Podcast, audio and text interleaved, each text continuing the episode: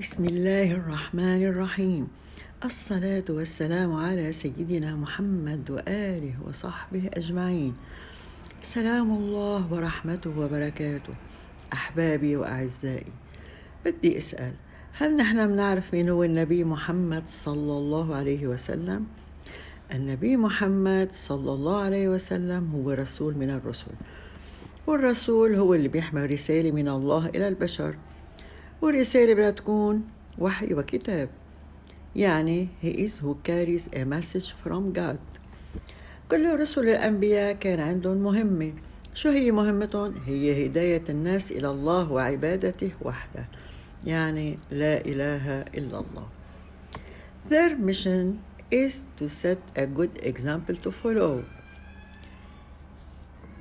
Either for worshipping, for moral and the way of behavior and goodness.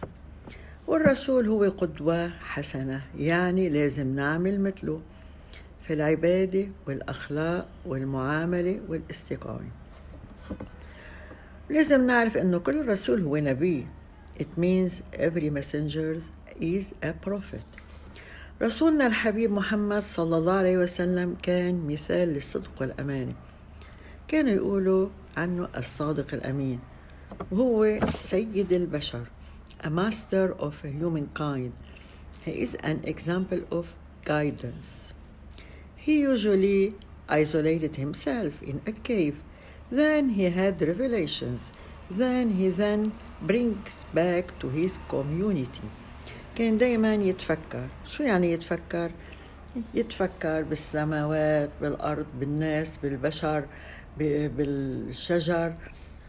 مين خلقهم بعدين بيرجع إلى قومه بالوحي من جبريل عليه السلام. طيب هلأ بدنا نعرف شو هي الأشياء الحلوة اللي عملها الرسول عليه الصلاة والسلام. He defended the rights of all humanity man, women and children. يعني دافع عن حقوق البشر رجال ونساء وصغار He commended the love between relatives and neighbors. أمر بالحب كمان بين الأقارب والجيران والمودة واللطف بيناتهم. He established a coexistence relationship between Muslims and non-Muslims.